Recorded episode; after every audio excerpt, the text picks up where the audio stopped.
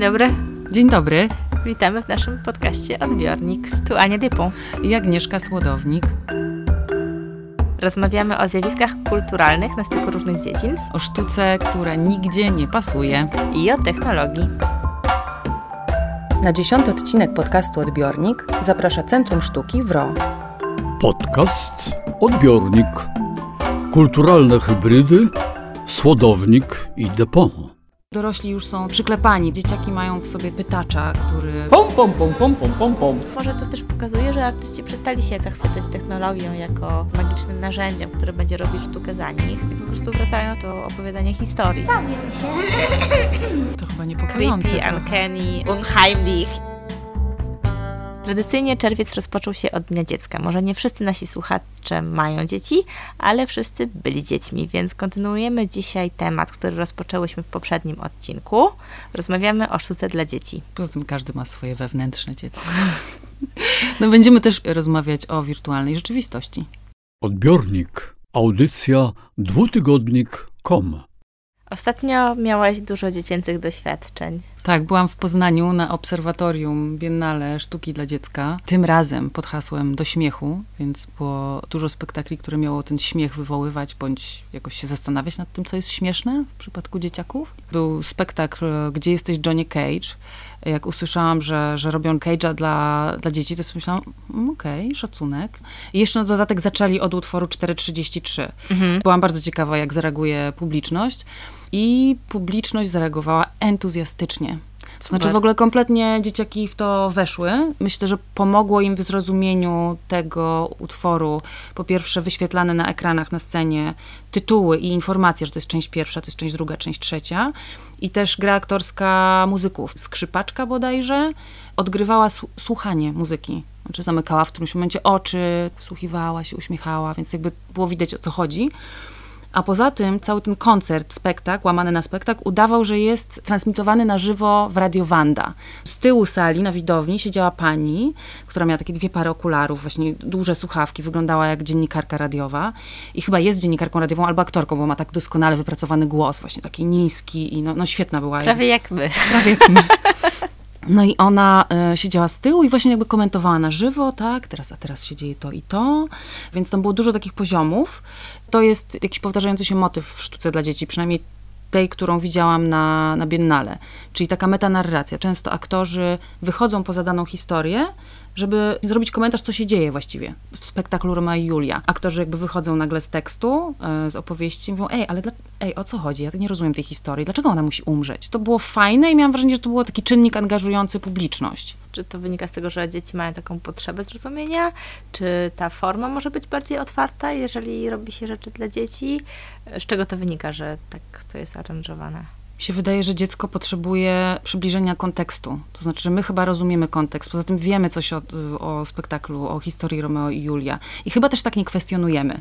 Dorośli już są tacy troszkę, wiesz, przyklepani. To, co jest, to przyjmiemy może bardziej bezdyskusyjnie, a mam wrażenie, że jednak dzieciaki mają w sobie takiego bardziej pytacza, który wszystko podważa i właśnie będzie prześmiewać też. I też miałam wrażenie, że taki, taki, taka figura prześmiewacza, czy też satyra, nie wiem jak to nazwać, powtarza się też, to znaczy, że wśród aktorów w spektaklach są postaci, które jakby w imieniu dzieci wyśmiewają jakąś historię.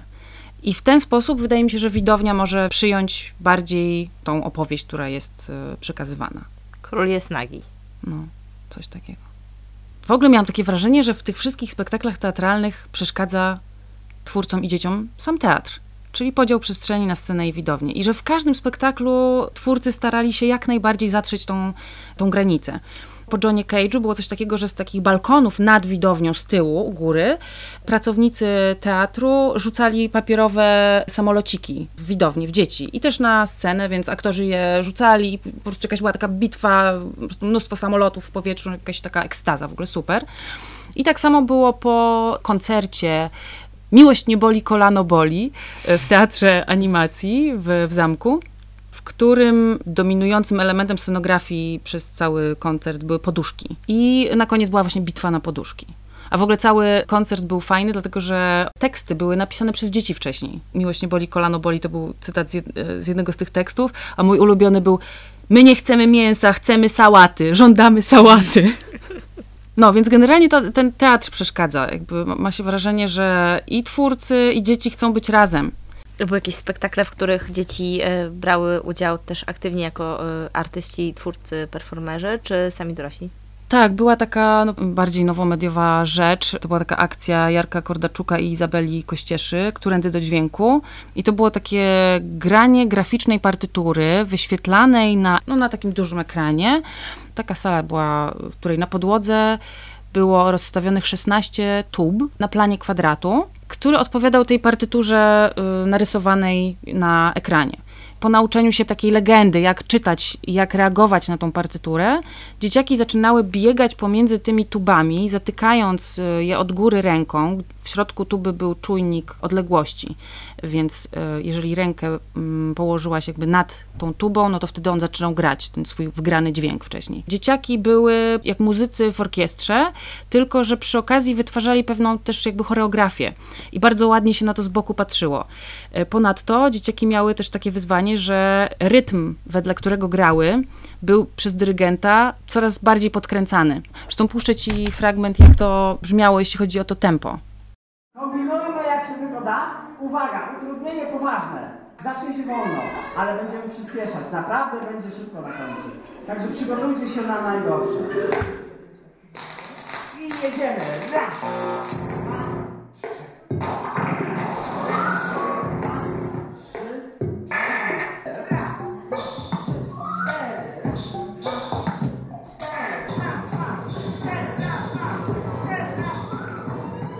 To jest na końcu już.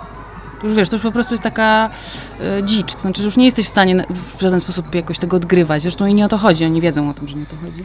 Ale też jak się tego słucha, to nie jest to zbyt atrakcyjne. No, tak y, jako sztuka to nie. W No. sensie, że to nie, mm, nie o to chodzi. I to chyba jest częsty przypadek y, w ogóle sztuki interaktywnej. Często chodzi w niej o Interakcję, y, interakcję o o- proces, a nie o efekt. I to jest też problem w pisaniu o tej sztuce. Ja mam wrażenie, że ona z, z zasady jakoś tak mniej atrakcyjnie wypada. Mhm. Trudno ją sfotografować, tak o niej opowiedzieć, bo to jest trochę jak warsztat, prawda? Mhm, że warsztaty, w warsztacie nie chodzi o efekt, tylko chodzi o proces i to jest podobny, podobny motyw. Rewolucja nie będzie streamingowana. Elementarz to sztuka, którą widziałyśmy w Nowym Teatrze. Ostatnio rozmawiałyśmy o Mamo Mi, która też, który też jest spektaklem, który oglądałyśmy w Nowym Teatrze, który miał w opisie, że jest instalacją multimedialną. Elementarz miał w opisie, że jest po prostu spektaklem, teatrem. I wcale nie mam wrażenia, po zobaczeniu tych dwóch doświadczeń, że elementarz był mniej, nie wiem, interakcyjny niż to Mamo Mi. Jest to na podstawie elementarza falskiego zrobiony spektakl, który polega na tym, że e, są odczytywane różne fragmenty elementarza. E, Ala ma e, asa, to As jest chce zjeść osę, Ala i As idą drogą. Nie mamy tutaj elementu, e, elementarza e, przed oczami, natomiast no, są fragmenty odczytywane i są kukiełki, które odgrywają te role, są aktorzy, którzy też wchodzą między widzów. Jest teatr cieni też, ale chyba kluczowe jest rozplanowanie przestrzeni. To, że wchodzimy wszyscy do środka najpierw na taką okrągłą widownię, która jest materacem miękkim i tam się wchodzi z tym małym dzieckiem. Po środku jest tylko taki słup, naokoło są kotary. Są cztery sceny de facto, naokoło tej widowni. Każdy ma szansę w którymś momencie być przed samą sceną, być bliżej sceny, co jest fajne, bo jakby każdy, każdy ma okazję być blisko i daleko, ma różne te perspektywy. No i właśnie, jesteśmy w środku.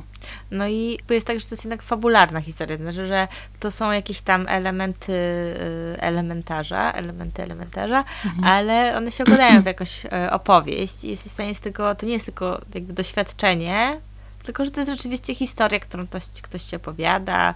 Myślę, że dla dzieci to też jest ciekawe, bo jednak nie jest to takie tylko doświadczenie. Wrażeniowe. Mm, tak, to tylko że jednocześnie też masz jakąś opowieść, nie, w którą wchodzisz, jakąś, jakąś bajkę, którą ktoś ci opowiada. Porównując te dwa spektakle i tak rozmawiamy o tych mediach, myślę, że to jest takie bardzo płynne. To jest bardziej estetyczne, może tak. Że rzeczywiście w tym e, Etykieta- etykietka nowomedialno, intermedialno, wiesz, instalacyjne, tak, multimedialne, że tak naprawdę okej, to jest jakiś wybór estetyczny, że masz lalki, które wyglądają, bo tam były lalki, które wyglądały tak bardzo takie XIX-wieczne niemalże po prostu e, lalki. Ala wyglądała jak taki Pinokio drewniany, nie? Natomiast równie dobrze można by to jakoś estetycznie inaczej rozegrać z innych materiałów, może bardziej nowoczesnych, nie z drewna, tylko właśnie z jakiegoś po prostu plastiku i z drukarki 3D, jednocześnie wykorzystując dokładnie te same środki, czyli jest jakaś dźwięk z tła, jest jakieś światło, które się pojawia i że tak naprawdę ta, ta, ta, ta medialność jest tylko jakimś rodzajem właśnie opisywania tej sytuacji, a niekoniecznie jest y, jakby materią, którą się posługują twórcy, żeby... Żeby... metodą. Mi się wydaje, że to jest, e, że ta etykieta jednak służy odpowiadaniu na potrzeby. To jest taka etykieta, która ci mówi, na jakie potrzeby odpowiada dana rzecz. Mhm. To znaczy, że jeżeli coś jest tam, nie wiem, masz tą etykietę, nie wiem, instalacja interaktywna, to że wtedy ja oczekuję, że ja tam będę mogła dotknąć.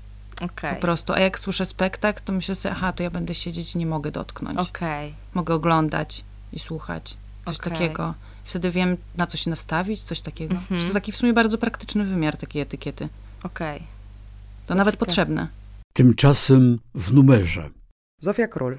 Nowym numerze Klara Cykosz opowiada o dwóch serialach, które ostatnio można było oglądać. Amerykańscy bogowie i Pozostawieni. Serial jej zdaniem bardzo poważnie i staroświecko nieironiczny. Poza tym e, Maciej Jakubowiak opowiada o trylogii Wiśniewskiego. Ostatnia książka z tej serii, e, czyli Hello World, wyszła e, w maju. Maciej Jakubowiak uważa, że Wiśniewski wbrew pozorom feminizmu i ekologicznego podejścia jest niezwykle staroświecki w swoich książkach. Maciej Woźniak opowiada o poezji Kacpra Bartczaka. Poza tym bardzo wiele wywiadów. W tym numerze między innymi rozmawiamy z Nataszą Gerkę o jej nowej książce Tam, o Nepalu, o romansie Dwoje, napisanym przez dwoje tłumaczy. Anna Górecka i Andrzej Kopacki pracują biurko w biurko od y, 30 lat w y, redakcji literatury na świecie.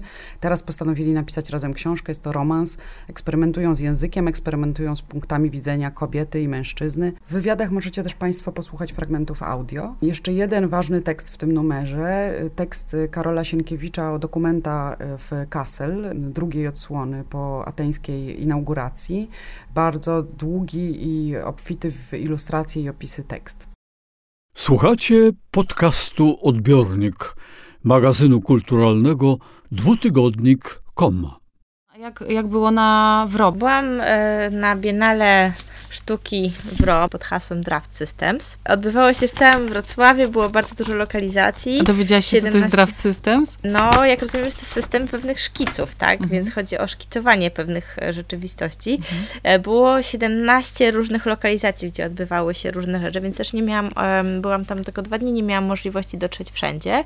Natomiast było kilka e, głównych wystaw. Jedna była na przykład w dawnym supermarkecie, który się zwinął w podziemiach centrum handlowego i to była taka fajna, nieoczywista przestrzeń, ale też w jakichś muzeach, w galeriach były różne wystawy. Oglądałam to wszystko przez pryzmat Małego Wro. Mały Wro to jest taka ścieżka zwiedzania, program, który towarzyszy Biennale od 2009 roku i to też jest cykl śródrocznych aktywności, które Centrum Sztuki Wro prowadzi u siebie w Galerii Wro. I w tym roku, jak piszą organizatorzy, do stworzenia programu Małego Wro 2017 zaprosiliśmy zaprzyjaźnioną z Centrum Sztuki Wro rodzinę, państwa Kraszewskich. Jeżeli mogłabym poprosić na wstępie, żeby Państwo się przedstawili. Agnieszka Kraszewska. Jan Kraszewski. Olga Kraszewska. Jeżeli to nie jest niedyskretne pytanie, to mogli Państwo powiedzieć też ile mają lat. Ja jeszcze 45. A ja już 46. y, Dziewięć i pół. Państwo są kuratorami Małego Wro. Nie wszyscy, jeszcze brakuje czterech innych osób. Reszta jest w szkole i w przedszkolu. Jestem matematykiem. My wszyscy, ale to nie wszyscy kuratorzy. Dobrze. E, Ja nie jestem matematykiem, więc powiem, że jest około 40 lat różnicy pomiędzy najstarszymi a najmłodszymi osobami, które wybierały program. Czy było tak, że mieliście różne zdanie w związku z tym, że te prace jednak e, odbieraliście e, z bardzo różnych perspektyw i czy, czy, czy łatwo się Wam wspólnie wybierało te prace, czy trudno? Największą, myślę, że największą zgodność osiągaliśmy w przypadku niektórych prac, które nam się nie podobały. W pozostałych przypadkach to nie było bardzo dużo, ale było kilka prac, które się w zasadzie wszystkim podobały. No my widzieliśmy tylko materiały wideo i opisy. Na tej podstawie musieliśmy sobie wyrobić zdanie na temat tych prac. Zresztą w niektórych przypadkach nawet to, co jest, nieco różni się od tego, co oglądaliśmy, a czasami nawet dość mocno się różni. Tak czy inaczej pozostajemy przy swoim wyborze. A jeżeli każdy z Was mógłby w takim razie po kolei, tak jak tu siedzicie, może opowiedzieć o swojej ulubionej pracy. Praca, która mi się podoba, to jest praca, która ma długi angielski tytuł, więc może nie będę go czytał. E, Praca, która funkcjonowała w naszym zespole pod skrótową nazwą POM. POM. To jest to instalacja wideo i polega to mniej więcej na tym, że norweski, to w zasadzie Holender mieszkający w Norwegii, e, odczytuje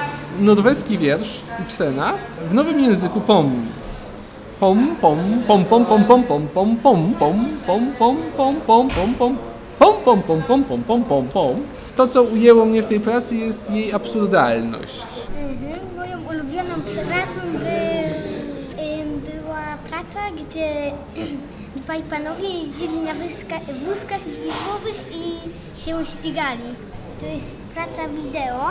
Powiedz, co panowie Więc, robią. więc ja opowiem, ja- jaki jest taki ogólny miejscem. Jesteśmy w dużej, pustej hali fabrycznej. Widzimy dwóch panów, którzy jeżdżą na wózkach widłowych. Ale tak zwykle, normalnie sobie jeżdżą. Nie, bawią się i się ścigają.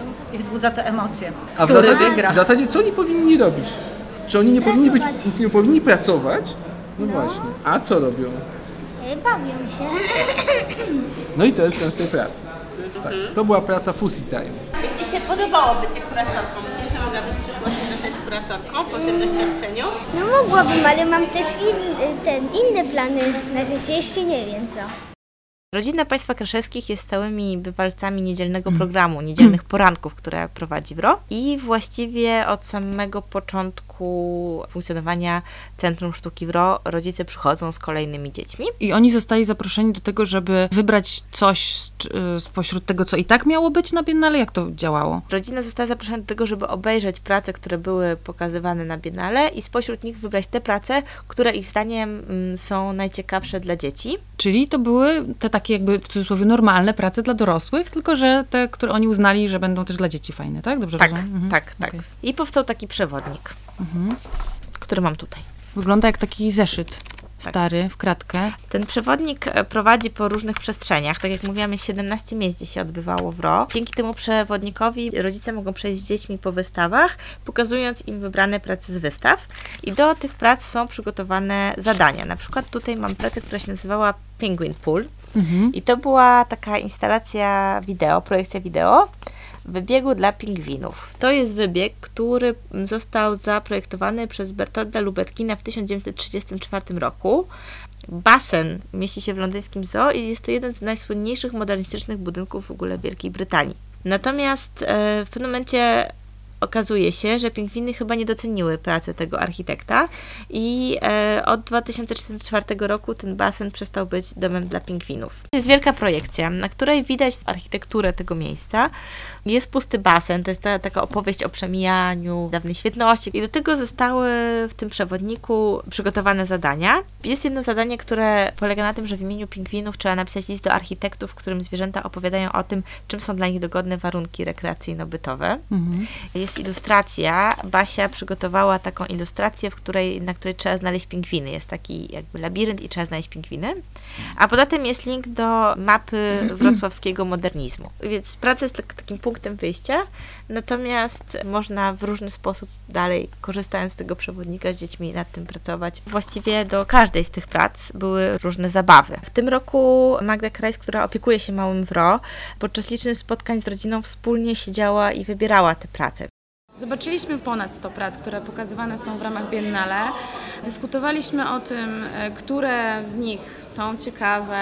Czasem się spieraliśmy, czasem się siłowaliśmy trochę w argumentach, ale ten proces e, dobierania i przygotowywania też tekstów i zadań e, związanych z pracami był bardzo ważnym etapem tego całego przedsięwzięcia. Łatwiej jest nakłonić rodzica do przyjścia do galerii niż osobę dorosłą bez dziecka, bo dziecko jest pretekstem też do tego, żeby samemu coś poznać. Mnie bardzo interesuje taki e, romans cyfrowości z analogowością, dlatego w moich działaniach nie idę raczej w takie rzeczy w stylu aplikacja dla dzieci albo forma przewodnika online'owego. Bardziej właśnie staram się tłumaczyć ten język technologii cyfrowy na język analogowy. Stąd książka, tak, papier i kontakt z tekstem, który jest wydrukowany. To nie są prace stworzone z myślą o dzieciach, bo ja nie przypadam za tworzeniem takiego getta dziecięcego. Chciałam zrobić coś takiego, żeby to było bardzo blisko tego programu dorosłego, żeby nie tworzyć zagrody, jak jest w każdym banku, sklepie, u fryzjera, że jest mały stoliczek, dwa kolorowe krzesełka i na tym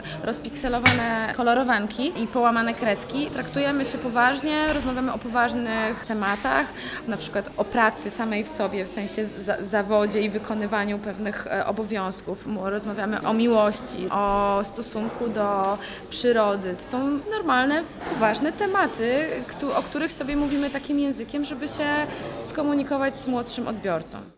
To jest tak, że jakby kuratorami jest, ta rodzina e, siedmioosobowa, natomiast tak naprawdę zespół był ośmioosobowy, bo Magda była tą osobą, która jakby w takim warsztatowym e, rytmie z nimi pracowała nad wyborem tych rzeczy, które się znalazły na wystawie i jest to dla mnie super imponujący też ten proces edukacyjny, który polega na tym, że rzeczywiście musisz, może nie jest to duża grupa, tak, jest to tylko te pięcioro dzieci i dwoje dorosłych, no ale w edukacji też nie chodzi o wielkie liczby, tak, tylko właśnie o, nawet o taką pracę z jednostką, że Magda rzeczywiście siedziała i z nimi po prostu dyskutowała o tych pracach. Jakby każda praca, która się pojawia na WRO, gdzieś tam była wzięta na warsztat, omówiona i to jest mnóstwo, mnóstwo godzin pracy, które się przekłada na to, że rzeczywiście ten wybór jest przemyślany. Kiedy się przygląda ten przewodnik, no to widać, że rzeczywiście osoby, które to pisały, bardzo dogłębnie rozumieją specyfikę tego, czym są te prace, które, które...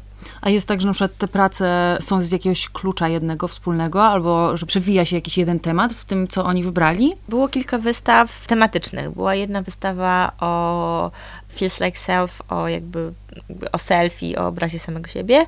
Była jedna wystawa o pejzażu, o krajobrazie, o relacjach człowieka z naturą, antropocenie. E, natomiast e, tutaj te prace są bardzo różnorodne. Mm, natomiast jest sporo prac wideo. Jest, mam w ogóle wrażenie, że na WRO było um, dużo prac wideo, a mało interakcji. No to jak to? Przecież to jest y, w nazwie, tak? Jak patrzę na gazetkę. Festiwal Mediów. To jest festiwal mediów. Wydaje mi się, że może to jest jakieś takie symptomatyczne, że już może niekoniecznie, um, że, me, że, że medium, tak samo wideo jest medium i że może niekoniecznie trzeba robić rzeczy, które są super interaktywne, w ogóle reagują na odbiorcę i nie wiadomo w jaki sposób po prostu e, świecą i błyszczą. Było parę takich rzeczy, które rzeczywiście wymagały, jakby reagowały, czy e, natomiast nie mam wrażenia, że było dużo, nie wiem, jakichś rzeźb, kinetycznych, czy jakichś takich rzeczy, które były mocno w przestrzeni zakorzenione. Było dosyć dużo rzeczy, które były statyczne i które właśnie polegały na tym, że jest jakiś zalupowany, zalupowany obraz. Może to jest kwestia tych wystaw, na które dotarłam, ale wydaje mi się, że może to też pokazuje, że artyści przestali się jakoś tak zachwycać technologią jako jakimś magicznym narzędziem, które będzie robić sztukę za nich, a po prostu wracają z powrotem do opowiadania historii, nie? I do mhm. sztuki, która opowiada historię i wideo jest takim wdzięcznym medium, który właśnie pozwala tą historię jakoś tam opowiedzieć. A była jakaś praca w wśród tych, które widziałaś, rzecz jasna, która, no właśnie, ciebie osobiście jakoś ruszyła? Fajna była taka praca, projekcja, dwie projekcje, widzisz znowu dwie projekcje, tak?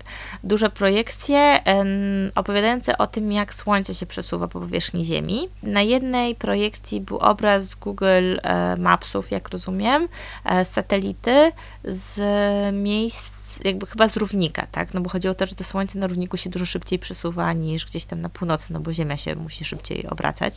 E, jednak musi, musi zrobić te 40 tysięcy kilometrów w ciągu doby.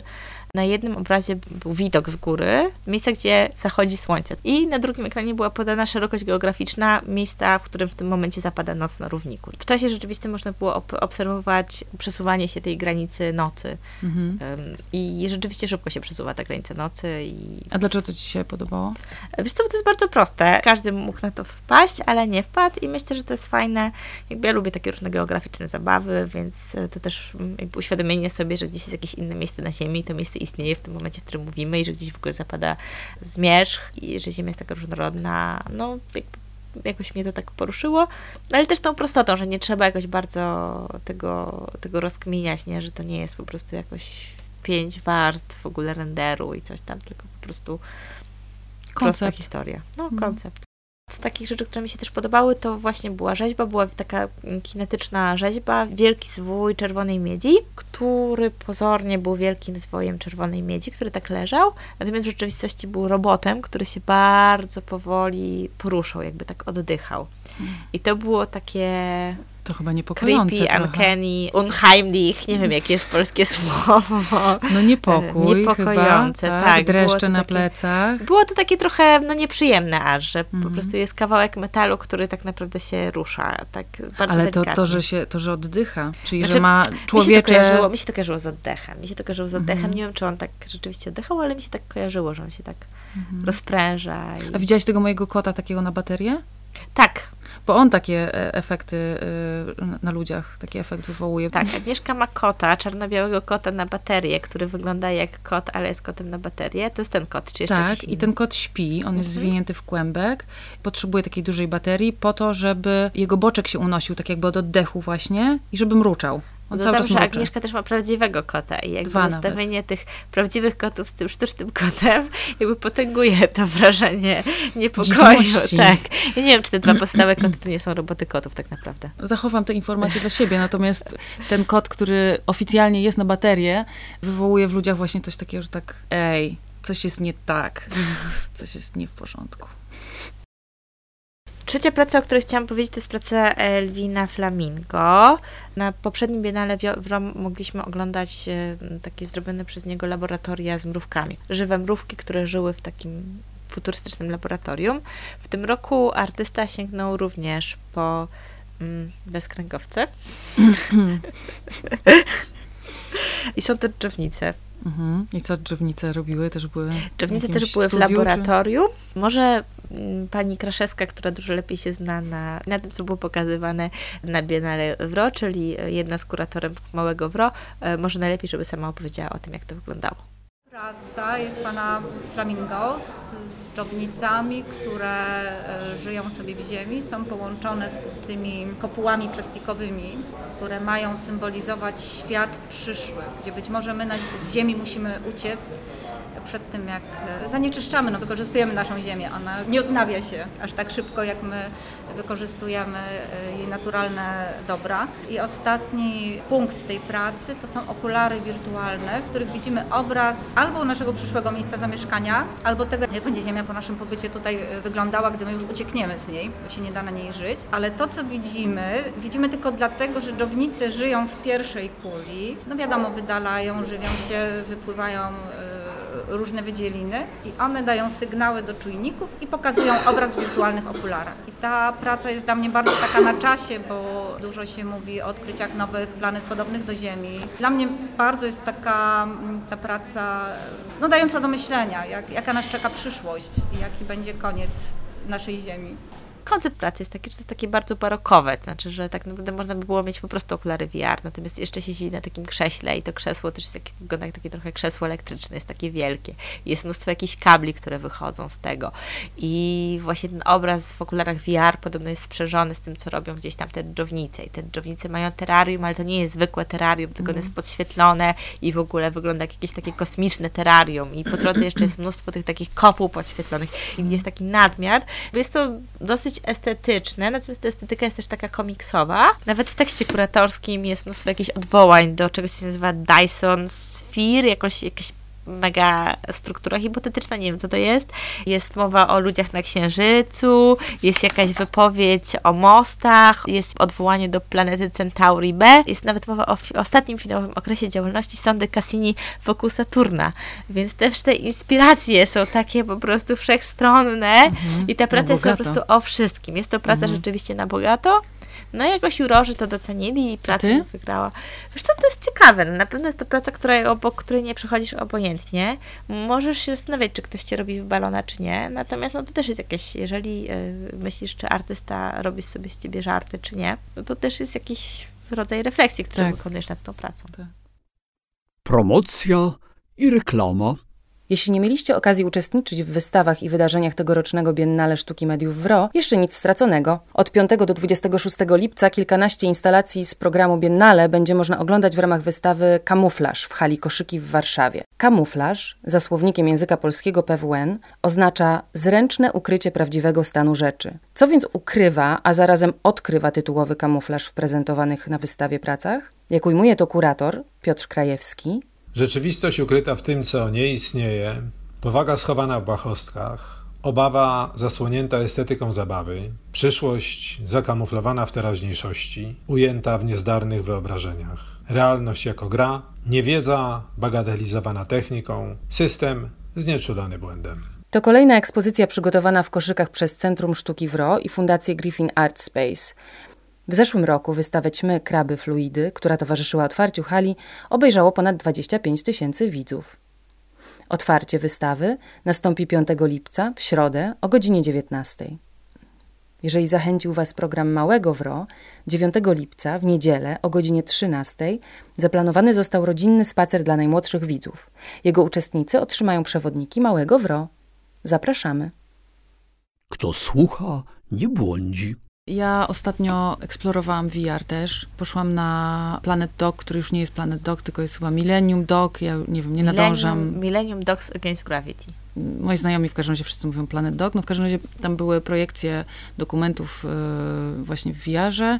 Było to zrobione w ten sposób, tak jakby w przestrzeni zakomponowane, że trzeba się było umówić na konkretną godzinę zapisać w takim holu yy, w kinotece w Pałacu Kultury w Warszawie, więc była taka jakby zainscenizowana taka widownia, krzesła obrotowe. Każdy dostawał te gogle i były takie półgodzinne sety, tam jakieś dwo- dwa zestawy miałaś i obejrzałam dwa z trzech filmów w swoim zestawie, bo po drugim już znowu byłam po prostu zbyt zmęczona. Jednak mam cały czas taką refleksję, że to medium jest strasznie młode i ludzie jeszcze nie potrafią go używać. Byłam razem z trzema byłymi więźniarkami Auschwitz w, w obozie, który był sfilmowany bez turystów. Znaczy był pusty.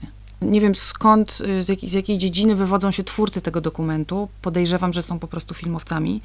I kręci ich możliwość użycia nowej technologii, w związku z czym korzystają z za wielu możliwości, które ta technologia daje. Co to oznacza w praktyce? Że masz kamerę, która jedzie do góry i filmuje z góry coraz wyżej, coraz wyżej się unosi nad barakami. Nagle zmienia się perspektywa, już nie jesteś te 50 metrów na górze, tylko jesteś w środku baraku, 30 centymetrów nad ziemią. Nagle jesteś gdzieś tam. Cały czas zmienia się ta perspektywa, kiedy ja czuję, że moje ciało siedzi na jakimś krześle w kinotece, na obrotowym krześle i ja się wcale nie ruszam, więc bardzo mi to przeszkadza. Już o tym rozmawiałyśmy i jakby się powtarzam, ale to wciąż się powtarza przy, przy tych różnych pracach. I się skupiałam na tym, żeby raz na jakiś czas zamykać oczy, żeby jednak od, odseparowywać się od tego świata, który mi ktoś próbuje sprzedawać, jednak na smartfonie, który jest w, w, tych, w, w tym czymś, co ja mam na głowie. I ja wiem, że to jest smartfon i wiem, że smartfon chyba nie powstał po to, żeby go tak blisko przy oczach trzymać. I wszystko to miało, wiesz, jakby wszystko to generowało taki mój opór. E, Natomiast ciekawość tego medium sprawiała, że jeszcze się wybrałam na European VR Congress, który był w Koperniku organizowany. Tam zainteresował mnie wątek wywoływania empatii. Tam były dwa projekty ciekawe, polskie, które były jakby prezentowane przez twórców. Jeden to był film nagrany w technologii 360 stopni e, przez Stowarzyszenie Otwarte Klatki. Oni weszli do fermy, przemysłowej fermy dla um, skórami, które są właśnie w tych klatkach trzymane i po prostu to sfilmowali. I tyle. I dostajesz gogle i jakby po prostu się rozglądasz i widzisz, jak to jest od środka wygląda. Co jest dość mocnym gestem, jako że te fermy y, są świetnie ukryte. One z zewnątrz, jak się jedzie przez Polskę, to po prostu wyglądają jak jakieś takie, wiesz, no tam są jakieś takie hale gdzieś tam stoją Mhm. w polu, które nie mają okien. Wszystko wygląda tak bardzo estetycznie z jednej, wiesz, z tej zewnętrznej strony. Oni moim zdaniem też bardzo dbają o to, żeby nikt nie wiedział, jak, jak to w środku wygląda. Ten gest, który oni wykonali jest, e, wydaje mi się, ważny, jakiś taki mocny, ale też sposób dystrybucji, za przeproszeniem tego czegoś, co zrobili. Znaczy oni faktycznie wyszli z tymi goglami na ulicę i tam w 12 polskich miastach po prostu zaczepiali ludzie w jakichś tam w, centrach miast, e, po prostu dawali te gogle, żeby ludzie sobie to obejrzeli. Wydało mi się to ciekawe, pomyślenie o tym, jak użyć tego VR-u, że on jest jakby jednym z komponentów czegoś szerszego. No i podobnie taka praca, film, ym, właśnie też w, w technologii 360 stopni. Mój pierwszy dzień w pracy to z kolei Fundacja Synapsis, która się zajmuje edukowaniem na temat ludzi ze spektrum autyzmu. Oni zrobili ten film i z tym filmem chodzą po firmach, starają się po, prostu na ten VR złapać pracodawcę, żeby się z nimi w ogóle spotkał, bo oni po prostu mają bardzo mało czasu i pokazuje im, jak to jest, jak to jest być pracownikiem właśnie ze spektrum autyzmu. Oswaja z, z tą sytuacją, że ej, słuchaj, możesz zatrudnić takiego człowieka, on jest trochę inny, ale on ma jakby swoje też e, Zalety. swoje zalety, swoje wady, tak, ale jakby poznaj się z tym, jak, jaki to jest człowiek i może weź pod uwagę, żeby go zatrudnić. Takie bardzo praktyczne zastosowanie nowej technologii, czyli też takie złapanie na nowe technologie, bo pewnie to jest dla wszystkich jednak wciąż bajer. Także takie miałam refleksje. Ale mm, powiedz mi, czyli tak jak powiedział Chris Milk na TEDzie dawno temu, dawno temu, może nie tak dawno temu, ale w dzisiejszych czasach tak technologia się szybko zmienia i świat tak szybko leci do tak pędzi. Parę lat temu powiedział Chris Milk, że to jest e, Ultimate Empathy Machine, czyli ostateczna maszyna do empatii. Jest czy nie jest? Jeszcze nie. Halo? Tu odbiornik. Zostaw wiadomość. Poczta głosowa! 782 02 8303. Czekamy na Wasze wiadomości. I mamy swojego Facebooka. Jesteśmy bardzo takie do przodu, więc zapraszamy. Link pod playerem. To kończymy. Do usłyszenia niedługo. Do usłyszenia. Podcast Odbiornik przygotowały i zrealizowały Anna Depon i Agnieszka Słodownik. Redakcja dwutygodnika to Zofia Król, Paweł Suszyński, Maciej Jakubowiak, Jakub Socha, Paulina Wrocławska, Piotr Kowalczyk. i Agnieszka Słodownik. sekretarek redakcji Melisa Czaplicka. Dziękujemy Centrum Sztuki WRO za pomoc w realizacji odcinka. Muzyka Kevin MacLeod. Licencja Creative Commons uznanie autorstwa. Podcast na licencji Creative Commons uznanie autorstwa z wyłączeniem fragmentu muzyki z akcji Którędy do dźwięku. Wydawca Filmoteka Narodowa Instytut Audiowizualny. Czerwiec 2017